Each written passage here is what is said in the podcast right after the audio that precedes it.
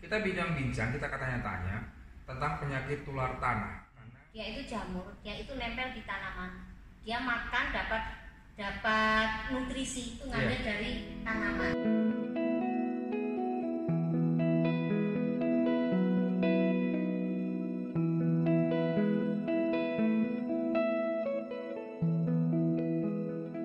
Oke, sahabat eh, pertanian Indonesia. Ini sekarang saya bersama-sama dengan Ibu Dia. Ya, jabatan beliau sekarang sebagai kepala Balik Subang. Ibu Dia, Instalasi. kepala instalasi. Ya, eh, beliau eh, S2 juga mempelajari dan memperdalam tentang mikrobiologi, virologi dan sebagainya. Kita bincang-bincang, kita katanya-tanya tentang penyakit tular tanah karena sulit untuk kita kendalikan. Biasa kita menggunakan pestisida dari atas saja, tapi kita melupakan uh, penyakit tular tanah yang susah kita kendalikan karena di dalam tanah. Tapi ada jalan keluarnya. Jadi uh, mikroba lawan mikroba lah gitu. Kita ngobrol. Nih Budia, uh, bisa nggak nih jelasin nih tentang uh, apa itu? Ini saya lihat nih ada trichoderma, ada gliko, Gliocladium. kemas jadi produk beliau. Iya, terus kemudian juga nanti ada mycorrhiza dan sebagainya. Kita baca bahas satu-satu dulu nih.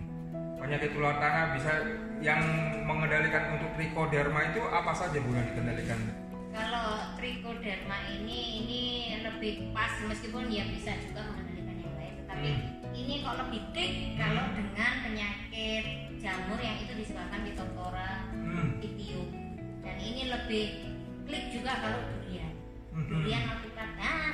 Ya, pokoknya yang kena, durian lah saat ini kita seperti kayak kalau kena kita kendala tadi apa untuk trichoderma ini untuk yang tadi eh, Phytophthora ya. Iya, Phytophthora pitium Nah, yang susah kita kendalikan ya terutama juga tanaman durian nih hmm. ya kita kasihkan trichoderma kan Nah, kita Ini tahu bahwa si Phytophthora ini adalah dia inangnya di pohon di ma- tanaman hidup ya. Hmm, Nah cara kerja trichoderma ini bagaimana sampai bisa mematikan si Phytophthora ataupun pitium? Jadi kalau triko, tri, eh, Phytophthora, Hmm. dia itu jamur, dia itu nempel di tanaman. Dia makan dapat dapat nutrisi itu ngambil Iya. dari tanaman, durian. Ya inangnya lah. Kalau kita kasih triko, triko ini kalau ketemu sama trichoderma ketemu sama triko pitium ya. ini misalnya akan melilit si Phytophthora. Jadi akan melilit nanti membentuk kayak lilitan sehingga nanti bisa memutus miselium-miseliumnya Akibatnya mati Phytophthora. Phytophthoranya ya. Phytophthora itu karena perkembangannya dengan Microconidia macroconidia. Kalau dia sudah miseliumnya terpotong-potong, sudah nggak bisa lagi berproduksi. Tapi kalau trikonya tetap dia bisa berkembang biak karena dia tidak makan dari duriannya, tapi dia dari seresap. Dari karena dia saprofit. Jadi kalau nanti apa sudah tidak ada, trikonya tetap Trikonya ada tetap ada di tanah tersebut karena Iya. dia bukan makanannya dari inang Iya. pohon ya itu ataupun uh, Phytophthora habis maka dia akan habis enggak ya begitu. Terus kemudian uh, aplikasinya bagaimana Bu trichoderma ini? Kalau trichoderma itu saya sarankan dari saat tanam itu tanah itu sudah dikasih Trichoderma ini. Nah kalau misalnya enggak ini kita baru kenal triko ini saat ini nih Iya. tanamannya sudah gede sehingga kalau pada saat kita ngasih pupuk organik ini juga sudah Kita masukkan. Berapa banyak biasanya nanti- nih Bu? Eh, biasanya saya satu kemasan atau biasanya ini sekitar 400 Gram? eh 250 gram ya. Ah. Ini untuk satu meter kubik.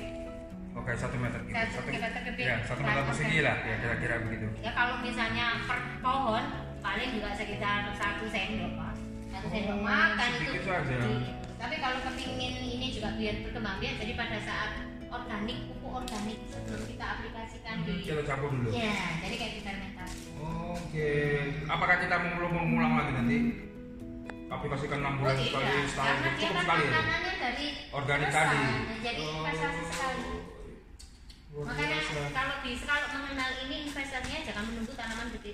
Dari pertama Sejak tanam pun sudah kita kasih lah kasusnya kan juga malah di baru bening itu kan sudah banyak yang Ada pitium ya kan biasa Iya. menyerang itu. Iya. Oke. Pak. Terus kemudian ada lagi nanti ini glio apa nih bu?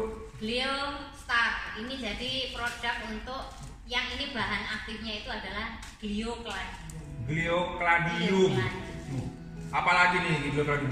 Ini kalau gliocladium ini sih sebenarnya untuk tanaman-tanaman yang katakanlah bukan tanaman keras mbak. Jadi ini kenapa saya pergunakan ini biasanya untuk yang sayur-sayuran sama Oke. Okay. Pisang, kemudian semangka. Jadi tanaman yang batangnya tidak Oh, Gliocladium. Gliocladium ini Dan ini efektif untuk fusarium. Fusarium. dia bisa melilit juga, mematikan fusarium. Kalau ini enggak, tapi Hmm. ini modelnya enggak melilit, tapi dia kayak toksin. Hmm. Nah, jadi mengeluarkan kan fusarium itu juga biasanya dia menjadi mematikan tanaman karena dia meng- memproduksi Hmm. racunnya. Racun. Jadi dilawan. Fusarium, Sama-sama. Gliocladium. Iya. Oke, aplikasinya sama nih caranya Sama. ibu. Oke, jadi kalau misalnya nanti fusariumnya habis, mematikan apakah ini Sama ini Sama. karena gliocladium itu juga dia saprofit. saprofit juga? Jadi tidak Jadi serasa-serasa, ya. Iya, jadi sisa-sisa Ada makanan. Bukan fusarium tanaman- dimakannya. Bukan Jadi- tanaman hidup, tapi sisa-sisa tanaman. Tapi dia kalau ketemu fusarium karungnya di situ. Oke. Jadi kayak apa istilahnya ya? Kayak kompetitornya. Iya, iya, iya, iya, iya. Kompetitor tadi dia bisa membunuh. Oke, trichoderma dan gliko, Gliocladium. Kemudian ada satu lagi nih. Kalau kita saja mycorrhiza. Mycorrhiza ini apa lagi nih, Bu? Jadi mikorrhiza juga sama-sama jamur saya kira ya, jadi jamuran cuman dia tuh lebih spesifiknya itu adalah dia bersimbiosis dengan perakaran. Dia bersimbiosis dengan perakaran, dia nggak nyerang perakaran, tetapi dia numpang hidup bersama, Hmm.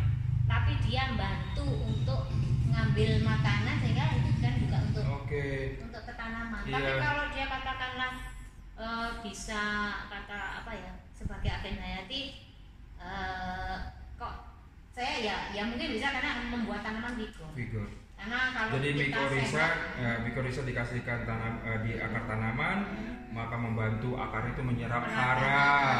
Sehingga dia lebih vigor, survive, Survive. ada penyakit apa pun relatif lebih kuat. Ya, jadi ya Menurut saya seperti itu. sahabat eh, petani nih. Jadi kita untuk mengendalikan untuk eh, hama pengganggu apa ini? Penyakit. Pengganggu tanaman. Selain kita menggunakan pestisida ada juga kita harus melawan bisa menggunakan beberapa mikroba atau jamur yang bisa membantu untuk mengendalikan penyakit-penyakit. Seperti kayak eh, tadi Phytophthora, Pythium, kemudian Fusarium, ya, terutama durian ya karena eh, banyak juga sekarang di, kita lihat di lapangan tiba-tiba pohon itu mengering mati tidak ada tanda-tanda kelupaan ataupun serangan daun dan sebagainya tiba-tiba kering mati. Itu pasti ada penyakit akar kan? Jadi kita bisa membantulah mengendalikan lah dengan begini ini. Ada namanya Gliostar terus kemudian Trichostar mungkin juga ada mikro Mycorrhiza star ya ini adalah pro, tangible product dari uh, Balitbu uh, di Subang ini, ini kreasi. Dia ini luar biasa dia ya. oke uh, terus kita belajar ya. Bagaimana kita bisa menghasilkan tanaman-tanaman unggulan dengan baik. Kita ikuti terus nanti cerita saya ya. Selamat makasih Bu ya. Sukses Bu.